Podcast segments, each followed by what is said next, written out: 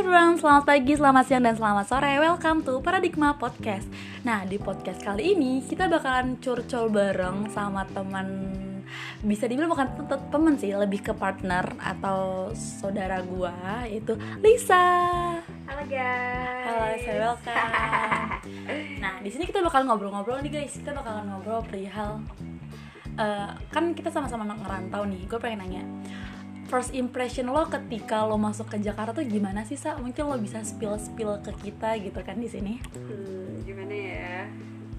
Kayak lebih uh, lebih sulit ya pastinya beradaptasi gitu dari kehidupan kita yang sebelumnya di Sumatera dengan yang pasti cara bahasa sih bahasa cara kita ngomong gitu. Yang dari ngegas ngegas nih keras terus di sini dari Melayu ke Betawi bayangin dong kayak langsung dari yang oh enak ke mana kau? Terus eh lo mau ke mana anjir. Anjas oke. Okay. berarti di sini dari Lisa sendiri tuh kayak ngerasa susah apa ya kayak kita tuh harus benar-benar beradaptasi gitu kan. Yang awalnya kita di Palembang tuh bahasanya agak tinggi suka ngegas itu terus tiba-tiba lo di Jakarta harus menyesuaikan diri dengan bahasa atau logat yang lo gua gitu kan. Terus juga tanpa uh, tanpa mengikuti atau uh, kita tuh nggak boleh ngegas gitu loh. Jadi tuh itu sebenarnya kayak tantangan sendiri ya sa. Tantangan banget kan ya pasti kita udah udah kebiasaan tuh apalagi jadi habit itu pasti susah kan mengubahnya gitu. Terus tiba-tiba dari yang orang yang kasar yang keras blok langsung jadi yang halus yang anjas. Itu susah sih. Kayak kita harus nahan diri tapi gimana ya namanya ya namanya ini ya anak rantau gitu kan ya guys. Jadi kayak kita harus menyesuaikan diri gitu kan. Berarti yang pertama itu yang paling satu itu ya kita harus beradaptasi gitu kan. Apalagi kan kalau di Sumatera tuh emang udah apa ya kita tuh suka banget pakai bahasa daerah gitu kan. Terus tiba-tiba ketika lo di Jakarta lo harus pakai bahasa Indonesia terus bahasa gaul yang sometimes lo ngerasa kayak itu apa sih? itu artinya apa sih? Dia kayak ini apa sih? Kadang jadi itu eh ini kalau orang-orang pakai bahasa ini apa ya? Gitu loh. Kayak misalnya nih terserah gitu. Kan kalau di Palembang kan ah bahasa yang kau lah cek itu kan. Hmm. terus kita di Jakarta tuh kayak ih apa ya? Kalau bahasa itu apa ya? Gitu loh. Bener, bener, bener. kadang ada kata-kata yang kita bingungin harus pakainya apa. Tapi setelah uh, kan kita di sini kurang lebih udah tiga tahun ya kalau aslinya ya. Tapi kan karena pandemi covid 19 sekitar dua tahun kita di rumah. Jadi otomatis di Jakarta tuh kita udah sekitar setahunan lah ya kita kita genapin ya gitu sa. Uh, lo udah ada ngerasa perubahan gitu nggak sih? Udah bisa berusaha udah bisa beradaptasi dengan sekitar terus bahasa lo udah mulai uh, mirip nih sama orang-orang Jakarta. Kalau dari lo gimana? Iya sih itu udah udah pasti kita rasain lah. Ya pasti ada perubahan sedikit banyaknya tentang logat kita ngomong sama mereka kita udah bisa nyesuaiin hmm. Oke, okay, terus yang kedua selain bahasa nih, ketika lo ke Jakarta tuh uh, selain bahasa apa sih yang membuat diri lo kayak, oh ternyata Jakarta kayak gini ya. Terus dulu lo mikir Jakarta tuh uh, sebelumnya seperti apa sih? Yeah, Tapi ketika oh pergaulan, kehidupan. Oke, okay, gimana tuh? Apalagi teman-teman gue bilang, eh lo di Jakarta mana? Jaksel. Wah gila lo di Jaksel lo tempatnya artis semua nih. Asik. banyak artis nih. Anak witches banget ya kayaknya. Anak witches banget kan. Terus pasti orang-orang kiranya kayak kehidupan di Jakarta tuh bebas. Selain bebas tuh kayak nge-hike gitu loh. Ya gue juga awalnya kayak gitu sih. Tapi setelah di sini kayak ah ternyata biasa aja sih. Nggak terlalu yang nge-hike nge-hike banget. Ya mungkin sebagian ada tapi cuman nggak keseluruhan gitu loh. Jadi kita masih bisa nimbangin lah caranya Asik, nimbangin, nimbangin loh. Equal ya sama gitu ya. Maksudnya nggak terlalu nggak seperti yang kita bayangkan nah. gitu oh Jakarta nih kota metropolitan nih gitu kan. Hmm. oke. Okay. selain itu uh, selain dari gaya hidup mungkin ya ada lagi nggak sih yang kayak uh, apa namanya yang buat lo kayak uh, kayaknya gue nyaman nih di Jakarta kayaknya Jakarta bisa jadi tempat opsi gue deh nanti untuk kerja gitu. Lo sempat kepikiran gitu nggak sa?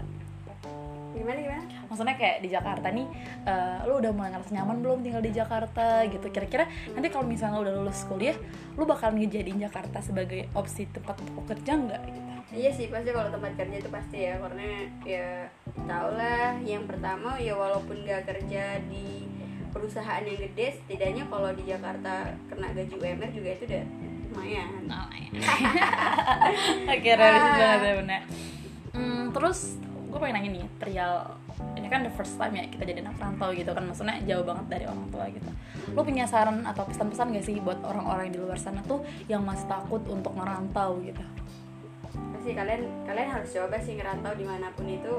Sama aja sih sebenarnya semua daerah apa yang lo takutin apa yang lo bayangin itu pasti ada. Cuman ya apa ya semuanya tuh masih bisa dihandle selama diri kita masih di jalan yang benar gitu. Oke. Itu masih bisa nggak nggak jangan terlalu ini banget sih. Dipikirin banget gitu Ah, ya iya, pokoknya benar. coba aja dulu selagi masih muda gitu kan why not gitu kan. Nah. Terus ini juga sih kayak yang gue pengen nanya lo pernah ini gak sih homesick ketika lo di kosan? Atau ini kan pastinya kita jauh dari orang tua nih. Uh, lo pernah ngerasa kayak wah gue kangen nih kayaknya kangen Iya. banget sama orang tua nih gitu pasti homesick. pasti. Sometimes tuh pasti pernah homesick gitu kan apalagi bener-bener kayak lu pasti nggak pernah dong ngerasain kayak eh di titik di mana lu bener-bener capek terus nangis nggak tahu kenapa. Itu pasti adalah rasa kayak gitu dan itu bener-bener kayak aduh pengen banget balik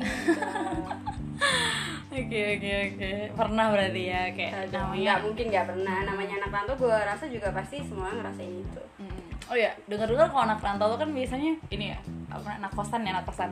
Kan biasanya tuh kalau awal bulan tuh eh, duitnya lancar tuh lagi kayak kayaknya tuh. Terus giliran di akhir bulan nipis tuh. Itu Iya, terjadi iya. nggak sih di diri lo Oh sendiri iya dong. Dan lu tahu sendiri kan gue gimana. Pasti ya kita saling bersimbiosis aja lah ya.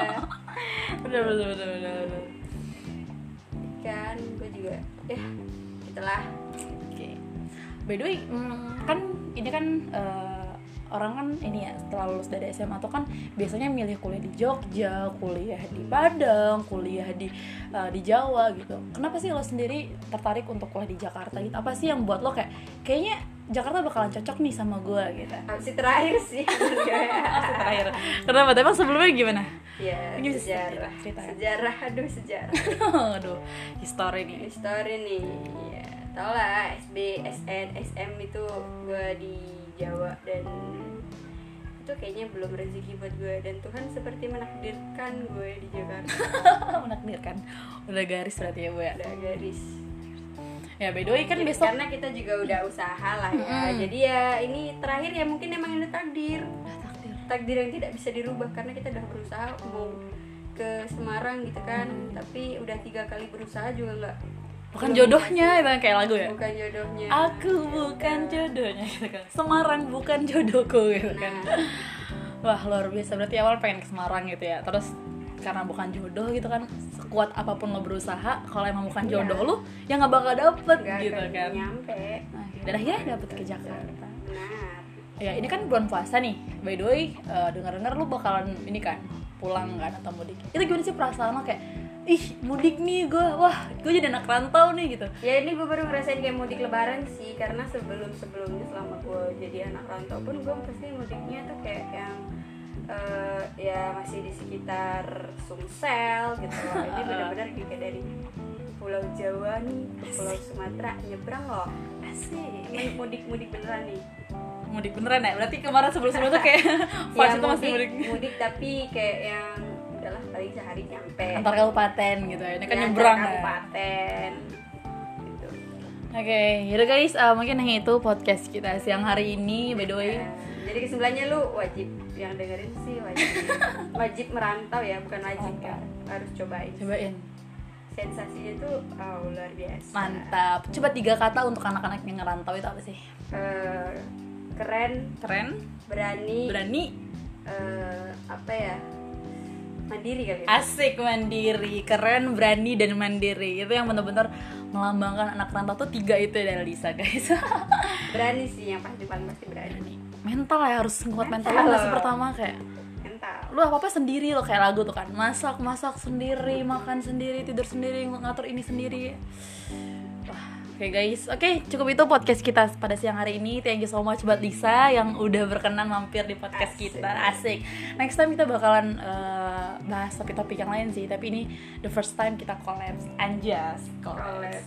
oke guys. See you to another podcast. Bye bye